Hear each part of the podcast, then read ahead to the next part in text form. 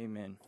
That song that we just sang um, is is a perfect song for tonight's sermon. I hope you'll see this in just a minute. But go to the book of Ruth um, in your Bibles.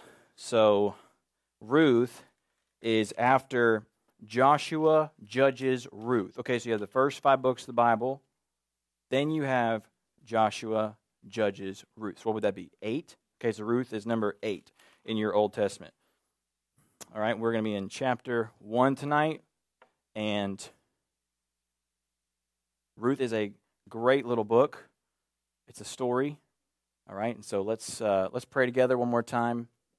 Ask for God's help. I hope you have your Bibles with you. If you don't, um, I do think we ran out. I have to buy some more Bibles, which is a good thing, right? We have given away all our Bibles again. Um, I think we had two left tonight. So there's always notes for you to grab and take. I always encourage you to take notes, lots of notes um, to look at later.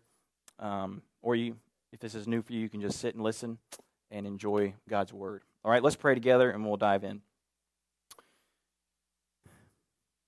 Father, we come to you now um, through your Son Jesus by the power of your Holy Spirit, and we ask, God, that you would show up in a mighty way. God, as we read Ruth and study Ruth, would you apply it directly to our situation? Whatever that situation is, God, would you apply your truth through Christ right to our hearts? God, I pray that we would listen, that you would open our eyes and our ears to hear from you. In Jesus' name, amen. All right, so we love a good story. Everybody loves a good story, right? It is why we will binge watch nine seasons of one series in a month, right? And you're thinking, like, a month? Man, give me two weeks, a bag of Oreos. You have no idea what I'm capable of, right? I can get through nine seasons in two weeks, a week. If you can do it, if you can do nine seasons in a day, that's that's pretty impressive, right? But the reason that we are able to do that is because the stories hook us, right? We, we cannot stop watching. We sit there on the couch, episode after episode, as they automatically play one after the other after the other, right? To keep you there. The story keeps you there. I think I've told you this before, but Netflix said their greatest competitor was not another company. It wasn't Hulu, it wasn't YouTube, it was sleep. Their greatest competitor was you going to bed. So they make those episodes start one after the other after the other, so you stay there and you stay hooked. And the story keeps you there, right? Renee and I have been watching the show Blacklist on NBC. Anybody watch the Blacklist? Okay, yes, like five of us, right? Blacklist is a great show. We've been watching it for nine seasons. We've been watching the Blacklist our entire marriage. Why are we still watching this show? And do you know why where we're going to be on Friday night? Watching the new episode of the Blacklist. FBI, criminal, most wanted, all this kind of stuff. Lots of fun. Anyways, it's it's a story that keeps you there. That's why I've been watching it because there's a storyline that's been running through for nine years, and they won't tell us what it is, so we're still watching, right? You're hooked the whole time. And stories do that to us. We love stories. We love redemption stories. So you guys know what I mean by redemption stories? Stories where there's a bro- there's brokenness, there's conflict, and then there's a hero that comes in of some kind and restores all the brokenness. Okay? Makes all things better again. All right? We love that story. Hollywood makes millions and billions of dollars off of that story, the redemption story. Everything's good, there's conflict, bad things are happening. A hero comes in, makes everything better again. That's every movie you watch, every Disney movie you watch, that's the, that's the plot line, right? Billions and billions of dollars. It's because you were made for redemption stories, it's because you were made for redemption. The Bible is a redemption story, God's story is a redemption story. We have brokenness, we have conflict, and it's called sin, and we have a hero, Jesus, who comes and restores us and makes all things new again. That's the story of the Bible, and that's your story. And so we were made for redemption stories. And Ruth is a story of redemption in, in the middle of God's big story of redemption. And I hope that you see Ruth as really, really personal and valuable to you. So, why would we study Ruth? You know, why, why would we study this little tiny book, why, why not pick another New Testament book? I'll tell you why we should study Ruth. Okay, a couple reasons. Ruth is worth studying because, one, Ruth is part of God's Word. Okay, that would be reason number one. And all Scripture is breathed out by God. All of it should be studied. All of it's authoritative over your life. So that's number one. The second reason is because Ruth gives teenagers um, worthy models of biblical manhood and womanhood through the characters of Ruth and Boaz that you'll see throughout this. Really worthy, noble models for you to aspire to be like as they um, exemplify the Savior. A third reason is that Ruth shows the realities of ordinary life. Okay, so Ruth is about relationships, it's about a marriage, it's about death and loss and moving to a new place. Ruth is ordinary life, and it's God working in ordinary life. Ruth is not Exodus, it's not plagues and Red Sea parting and clouds by day and pillar by night. All right? Your life looks like Ruth's life. It's ordinary, right? And it's God working in the ordinary. Okay, so that's another reason to look at it. And then ultimately, it's worth studying because Ruth was written to point you to Jesus. Okay, the story of Ruth is part of the story that leads us to Christ. It is actually Ruth's family line that gets restored and redeemed, and it becomes the family line of Jesus, which is really amazing. Okay? So, a couple of reasons to study Ruth. Let me give you a couple of context here, context things um, before we dive in. Um, Ruth is set during the time of the judges. Okay, so it's right after the book of Judges. And that's intentional because Ruth, in verse 1 1, if you were to look there in verse 1 1, it says, In the days when the judges ruled. That's when Ruth begins. In the days when the judges ruled. Well, why is that significant? Because Judges was a time of complete chaos and complete rebellion, and the, God's people going up and down and up and down. They would be okay, then they would go back into utter failure. And it was, uh, it was total chaos. And if you've never read Judges, it is madness, okay? Madness. There are stories in Judges that if I were to tell you the story, you would say back to me, there's no way that's in the Bible. And I would say, go look it up, it's in Judges. Okay? Someone getting their body parts chopped up and distributed to a bunch of different houses in different cities.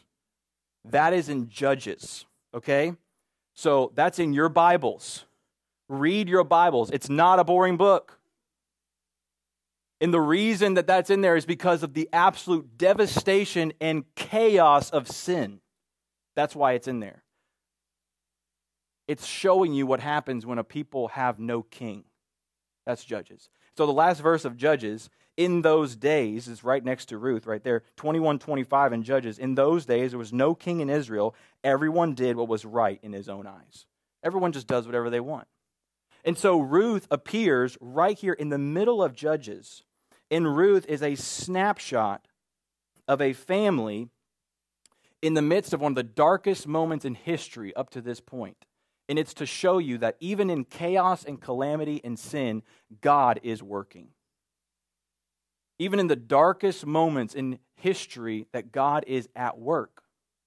There's hope in the darkest of days. That's Ruth. Hope in the darkest of days. And God is working right here in this family's life, right in the midst of their brokenness, in the midst of our brokenness. See, our lives are filled with tremendous brokenness, aren't they? We are filled with dark days, dark seasons. You might be in a dark season right now, and you need redemption. You need the broken pieces put back together right now in your life you're grieving loss or you're experiencing a broken friendship or you have a family member who is really sick and you need a redemption story. And Ruth is a story that can help us with this. Okay? Oftentimes in our dark days, we do not respond to God like we should. We do not respond to our pain like we should. And Ruth 1 chapter 1 specifically shows us what God is doing in the midst of pain and how we should respond. So here's our main point tonight. Our main point is this that we have hope in the darkest days, even when we cannot see what God is doing. Okay, so I didn't put this on the screen for you. This is the main idea. We have hope in the darkest days,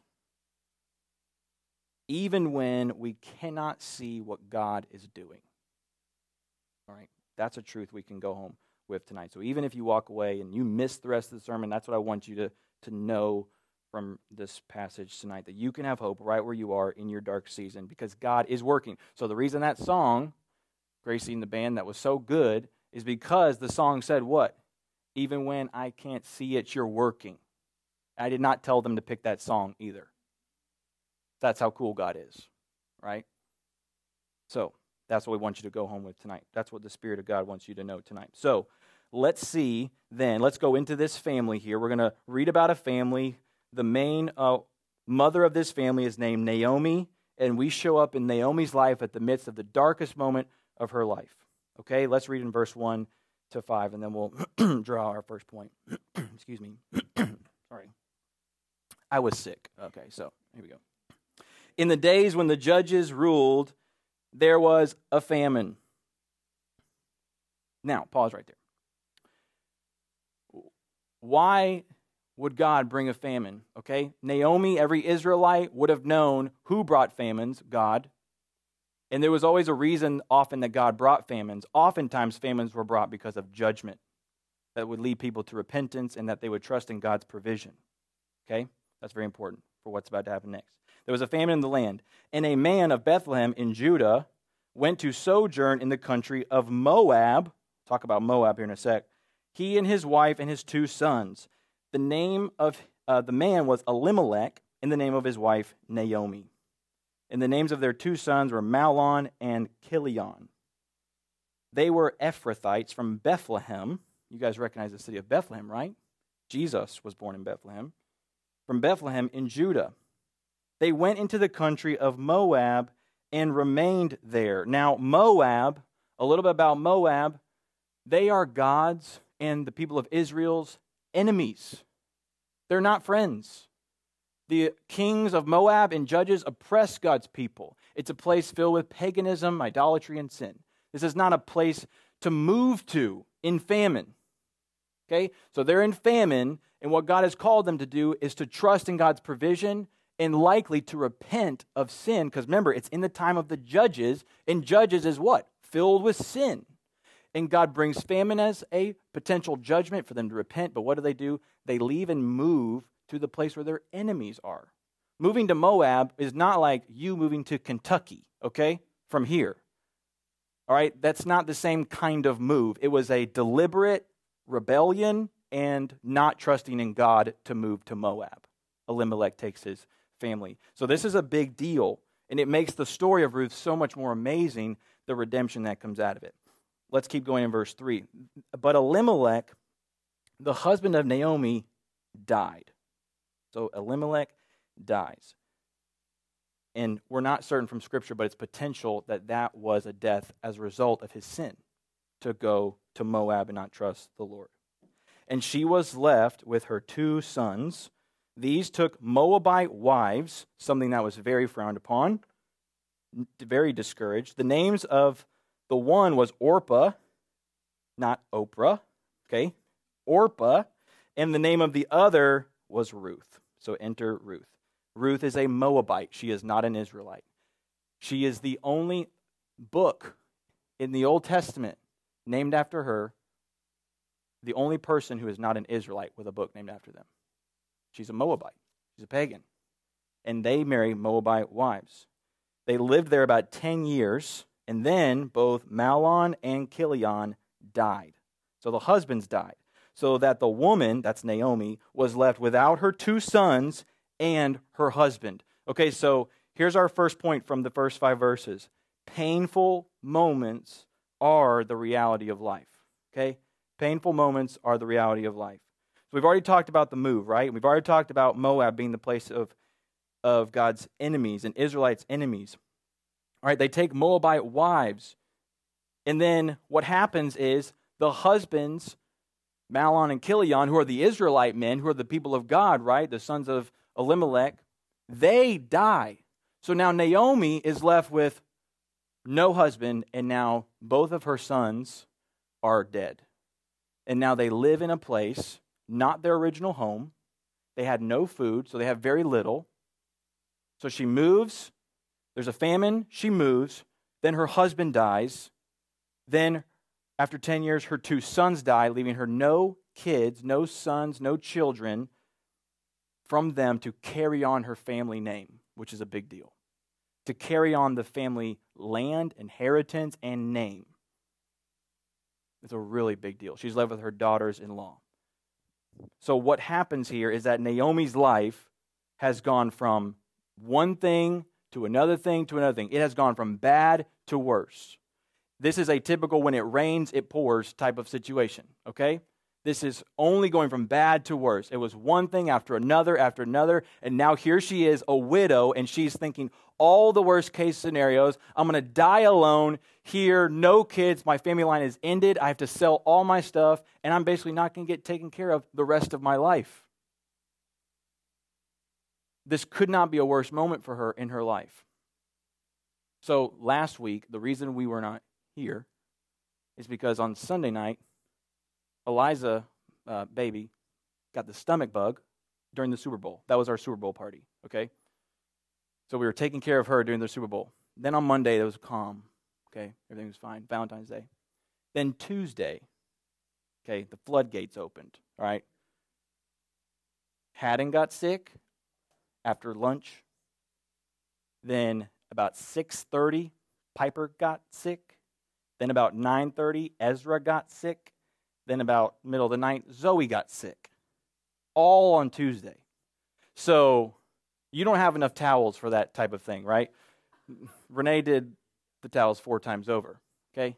So it went from one thing to the next thing to the next thing to the next thing. We'll start with one kid, went from bad to way worse, okay? So on Wednesday, we weren't sure what was going to happen, and it was just one thing after another after the other, okay? That's a little picture, a little snippet of how our life often feels, right? So much of your life, students, feels like things are just going from one thing to the next thing, bad to worse. Your friendships break up, your parents split up, your brother gets sick, your dad loses his job. You lose your job. You don't get into the school you wanted to get into. You got a terrible grade on your test. You get injured and you can't play this season. Your plans fall through. Your boyfriend or girlfriend breaks up with you. And it's just one thing after the next, after the next. And it seems like your life, the last two months, six months, it's just like, am I ever going to get a break, God? I can't get a break. I can't get one month of peace. It's just one bad thing after the next. And so much of our life feels that way. It's just pain, lots and lots of pain. Your life feels like a glass jar that's been shattered all over the ground, and you've just got all these broken pieces, and you can't put them back together. Someone once said, a summary of life life is hard, and then you die. That's a bleak, somewhat realistic picture. Life is hard and then you die. And for the Christian, you don't get a, um, a pass on dark days and dark seasons. Jesus promised them to you. John 16 33. In this world, you will have trouble or tribulation. You will have tribulation. But our hope is take heart, I have overcome the world. So the Christian life is not a progression from easy to easier. Like the longer you live, it just gets better and better and smoother and smoother. No, oftentimes the Christian life is harder to harder, to more painful, to more difficult. You live long enough, the people you love pass away. You live long enough, you get more scars. You live long enough, you lose more friends. You live long enough, you get sick. This is what life does to us, right? One out of one Christians die. 100%. And it's the same statistic for non Christians. We live in a broken world. We get the same pain. We get darkness. We get dark seasons. We get depressed. Christians get depressed. We get anxious. We get lonely. We get really, really discouraged. And so our life is really, really hard. You will go to a lot of funerals in your lifetime. you will stand by a lot of gravesides. And what are you going to do at the funeral if you don't have Christ? How do you cope with the pain if you don't have the Savior? Me and you have a Savior who has gone through more darkness than any of us, more pain than any of us. He gets it. He gets your pain. He has suffered in your place. He was rejected by friends. He wept at a graveside. He gets it. You have that Savior. He is our hope. So what is a what is a deep source of hurt in your life right now? Just examine your own heart. Search your heart. What is a deep source of hurt for you right now? Is it a broken friendship? Is it loss or, or grief of a past or passing family member? Is it school trouble? Is it depression? Is it loneliness? Is it suicidal thoughts? Is it doubt? What is the brokenness that's causing deep hurt right now? And you might be sitting and wondering, like, does, does it ever get better? God, well, are you ever going to kind of lift this cloud off of me? Because that's how I feel sometimes. When does the fog lift? When does the cloud go away? Because I can't see the light at the end of the tunnel. It's only a dark tunnel. When does the hope come? And we need to look to Christ. Psalm 147 3 is this is a good encouragement for you if you're walking in brokenness. He heals the brokenhearted and he binds up their wounds. He heals the brokenhearted and he binds up their wounds. So the pain is thick and it's so hard to see through the pain. And that leads us to our next point. Painful moments. This is point number two. Painful moments reveal our hearts. All right, let's look at verse 6. We're going to continue on in our story here and um, see how this is played out. How does pain reveal our hearts? And we'll see it in the heart of Naomi. Okay. Verse 6 Then she arose with her daughters in law to return from the country of Moab, for she heard that in the fields of Moab that the Lord had visited his people and given them food. Okay, so there's there was a famine and now there's food. There's food the, the grocery store got stocked again. Okay, so there's a little bit of hope now. God is moving, but Naomi's pain is too dark, too miserable for her to see it. It's interesting how when we're in the darkest of days, we have such a hard time seeing any glimmer of hope, don't we? Any source of what could be hope, we don't see because we're too wrapped up in our own darkness. Okay, number uh, verse 7. So she set out from the place where she was with her two daughters in law, and they went on their way to return to the land of Judah. But Naomi said to her two daughters in law, Go, return, each of you to your mother's house. May the Lord deal kindly with you as you have dealt with the dead and with me. The Lord grant that you find rest, each one of you in the house of her husband or of her new husband. So she's saying to them, No, stay here. Don't go with me. Stay here and get remarried. You have your whole life ahead of you. Stay here. That's what she's saying. Then she kissed them, and they lifted up their voices and they wept.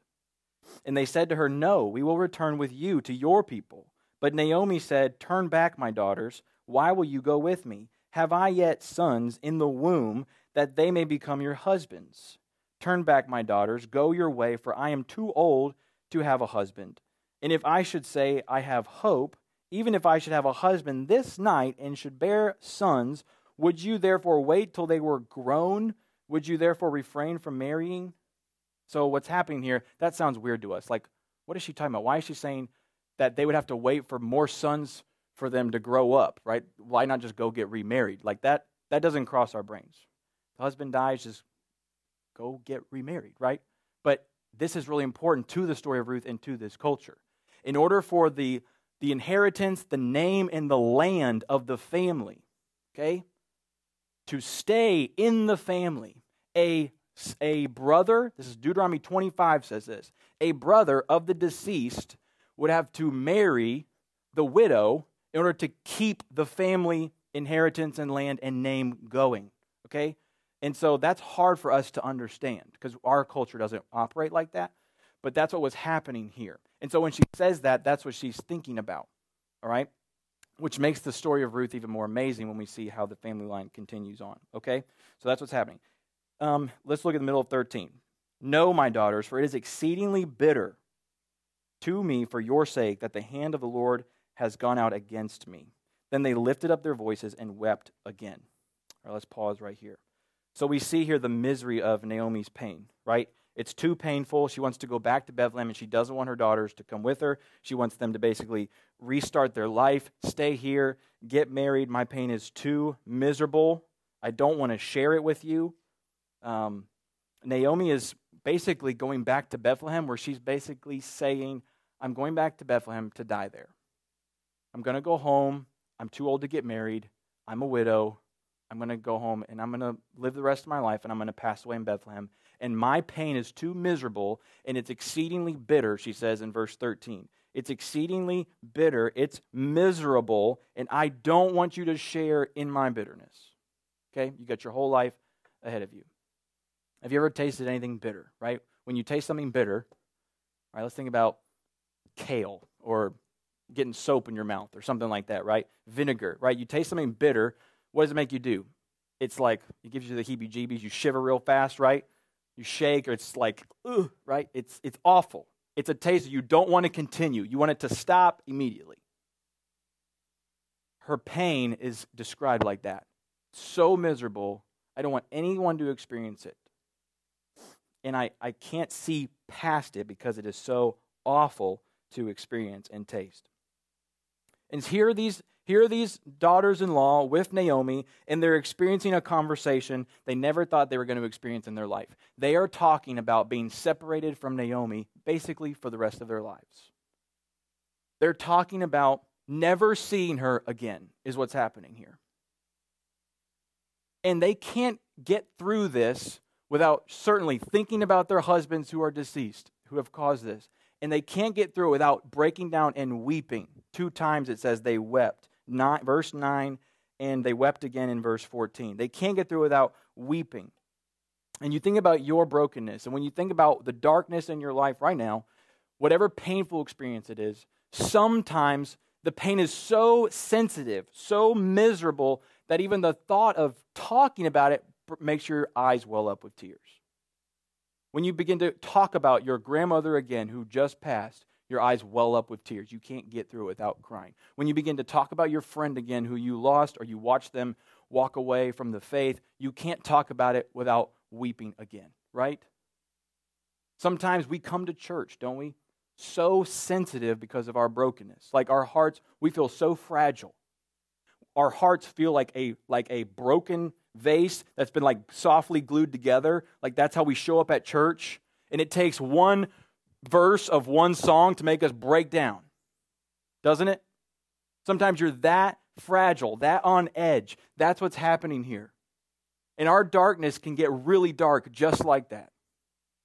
And sometimes you're at school and the teacher talks to you and your eyes start to well up with tears. You don't even know why. You're just in a state where you can't figure out why it's so dark. That's what's happening here. This is a miserable pain that we experience, and we experience these pains.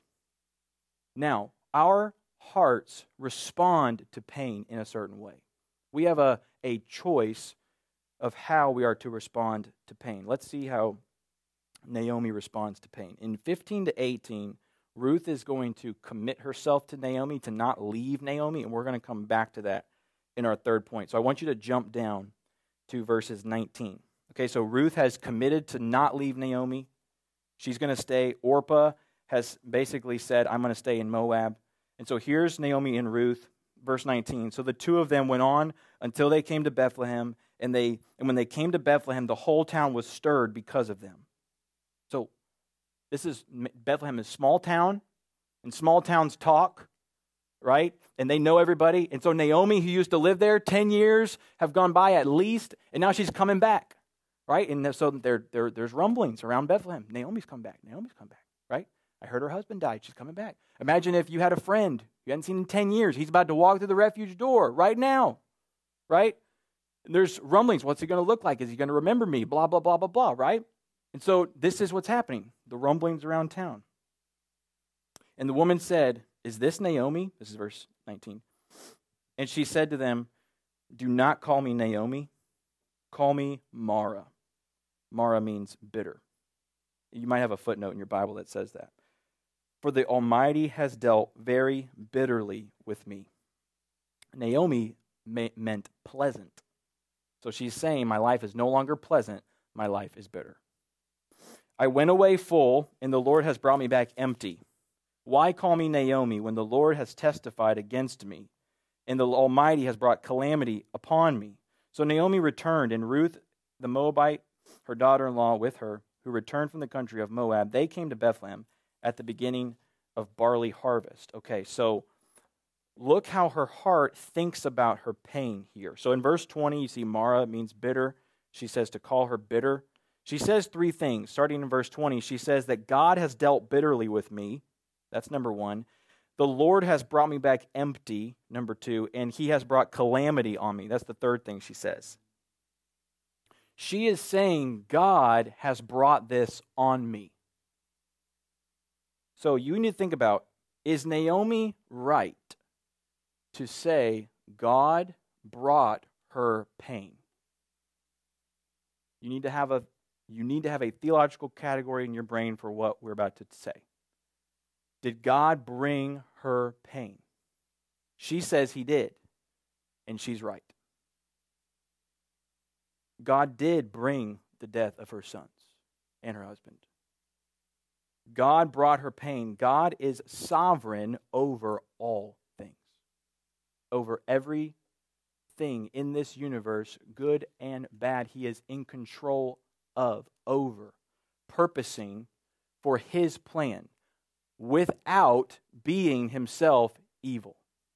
God, there's no sin in God. 1 John 1 5, he is light, there's no darkness in him. So God can purpose and ordain evil things to happen for his plan without himself being evil and not good. Okay?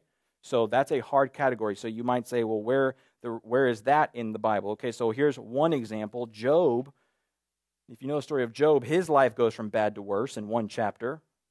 He loses all his stuff, all his servants, all his cattle, and then he loses all in one moment all 10 of his children, all in one day, all standing on the front of his porch. And he says to his wife, who told him, Curse God and die. That's a nice wife. He said back to her, You speak as one of the foolish women would speak. Called his wife a fool. And he said to her, Job, he just lost all 10 of his kids. Think about this. Shall we receive good from God, and shall we not receive evil? And in all this, Job did not sin with his lips, meaning what Job said was correct. The pain is awful.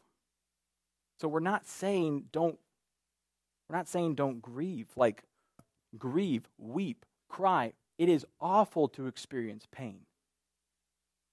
But yes, you have to have a category that God actually is purposing your pain in your life. You've got to get your head around that. God is in control of the, of the events in your life. If God is only in control of the good events and not the bad events, that means that there are some things that God can't control, right? which means that you can't trust God if He can't control all things. He, then He's not good and He's not authoritative. But you have a God who is in total control. And as a Christian, that's a really good thing. That means that all the bad stuff that happens to you, God is actually working for your good because He loves you. So we've got to have that type of category in our brain here. Our sin, we are tempted to blame God instead of run to God, right? So this is what Naomi does. She's bitter. She's actually bitter at God, and this is where she goes wrong. Her theology is right, but her heart is wrong. She knows God brought her pain, but she's bitter at God for the pain. She's not she's not trusting God, running to God in the pain. Right? We have to trust God in the pain. We are tempted to blame God be angry at God, be bitter at God, like, God, you are ruining my life. You brought this pain. You brought this sickness. It's all your fault. We're tempted to play the victim. Why am I the only one this happens to? I look around, this isn't happening to my friends, God. Why is it happening to only me? Why is it always our family that it's one thing after the next after the other? It's always us, it's always me. Why is it not them? And listen, your pain is not about you. God brings painful moments into your life that aren't about you, they're about God. God is bringing things into your life that are from Him for Him.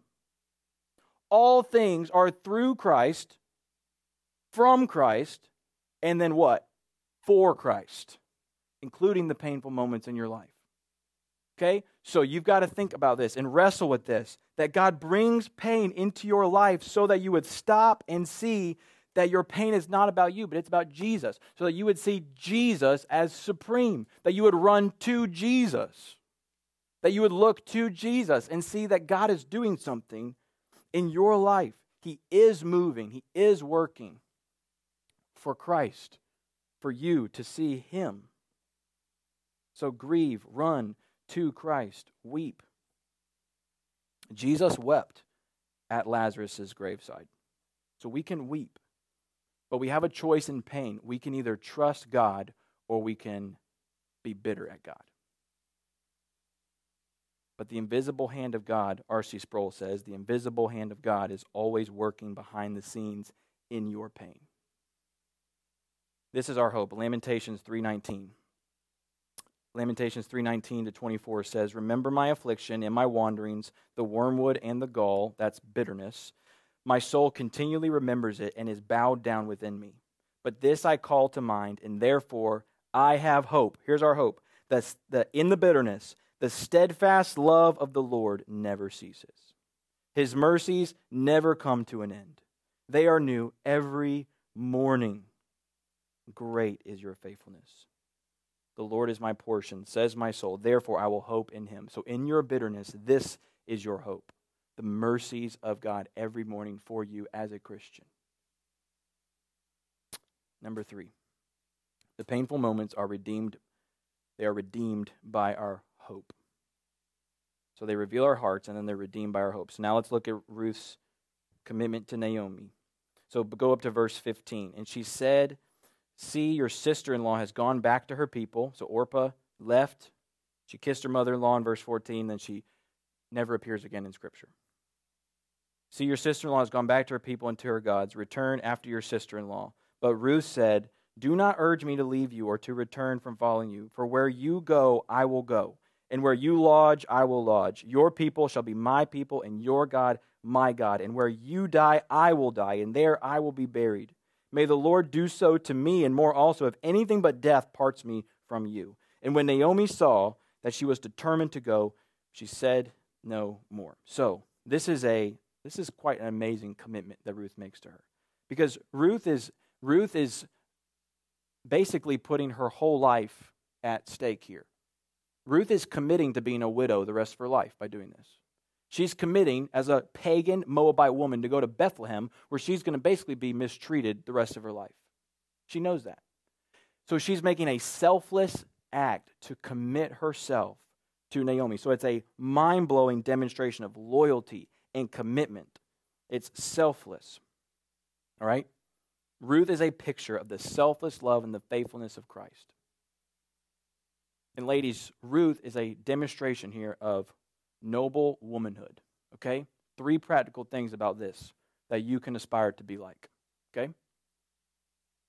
Number one, she is loyal in relationships when it makes little sense when the other person has nothing to offer her. Naomi has nothing to offer her. She is loyal to her when it doesn't make sense.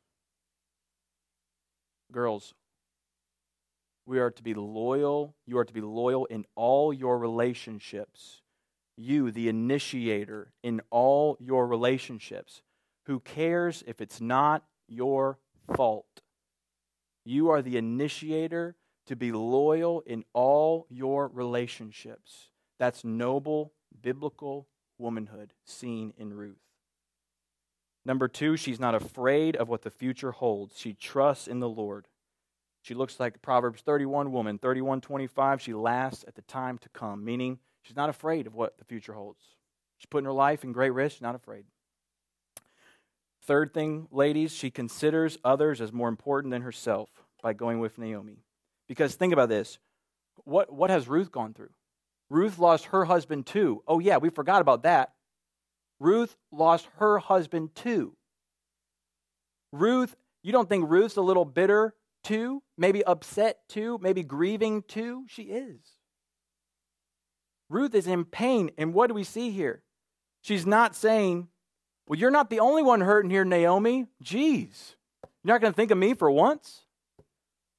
You're not the only one going through pain. She doesn't say that. She is considering Naomi's pain above her own pain. So you have a model of womanhood here to follow after. And young men, the application for you is this is the kind of woman you should aspire to marry. Lord willing, you get married. Okay? That's the type of woman that you pursue. Now, the reason you can aspire to be like Ruth is because Ruth looks just like her Savior, Jesus, in this. She's demonstrating undeserved kindness, the kindness of the Savior here, right? Selfless love, humility, so that we could be a part of God's people. God is at work here in the mess.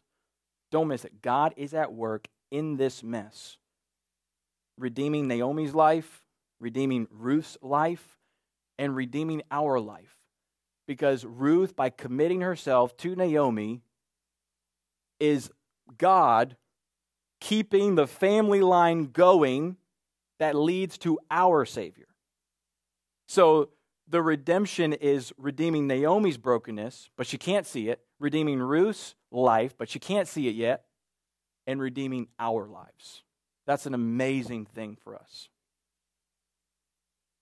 So, right now in your darkness, your pain, whatever that is, please know from this that they can't see what God is doing. They can't see it. They have no idea what's coming for them.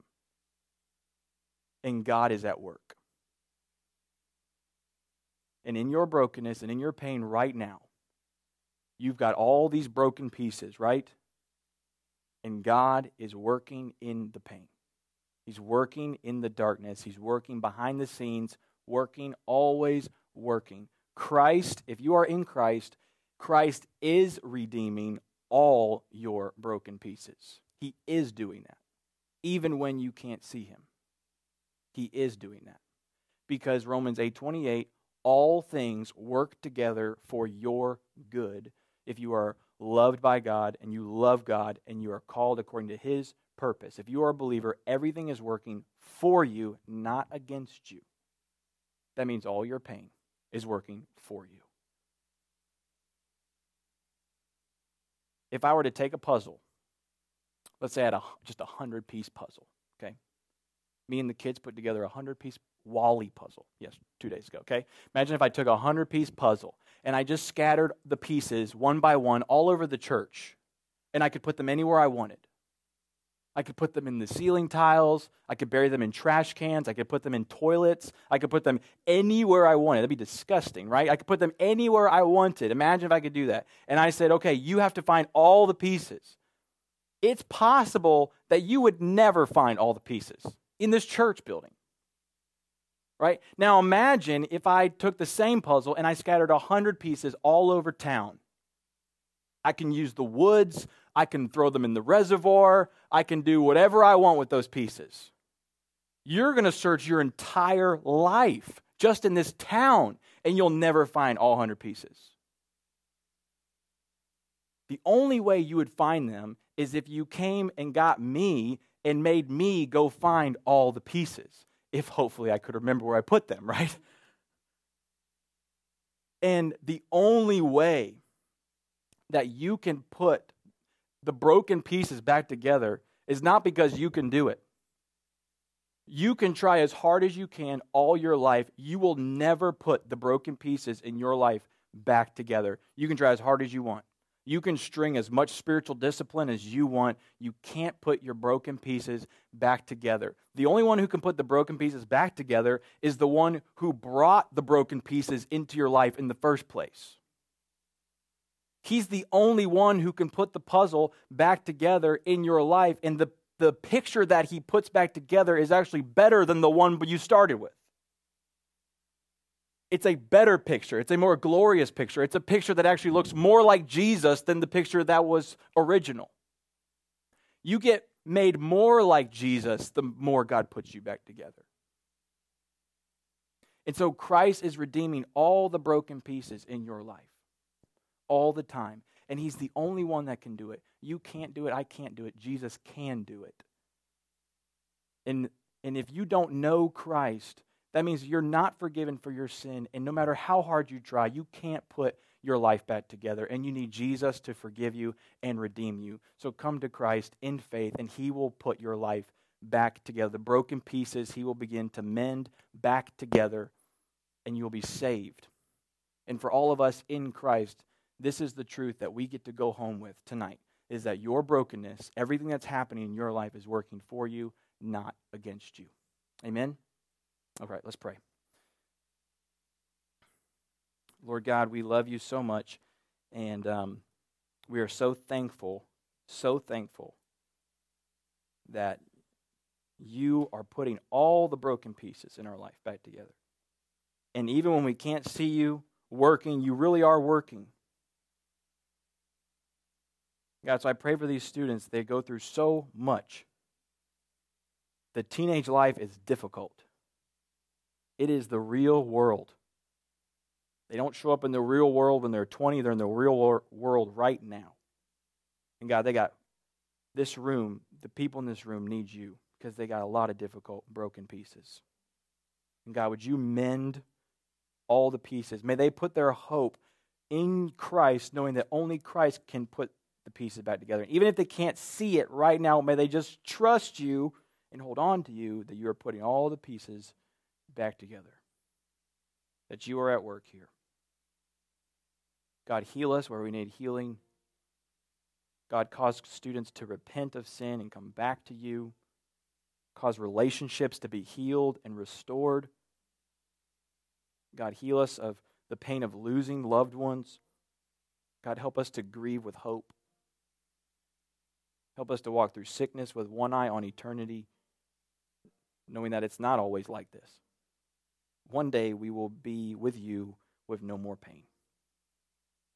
Help us to look ahead because there's always hope. For the Christian, there's always hope. We are never without hope. Our best days are always ahead of us for the Christian. So we thank you, Jesus, for that truth. We pray in Jesus' name. Amen. Hey, I want you guys, Grant.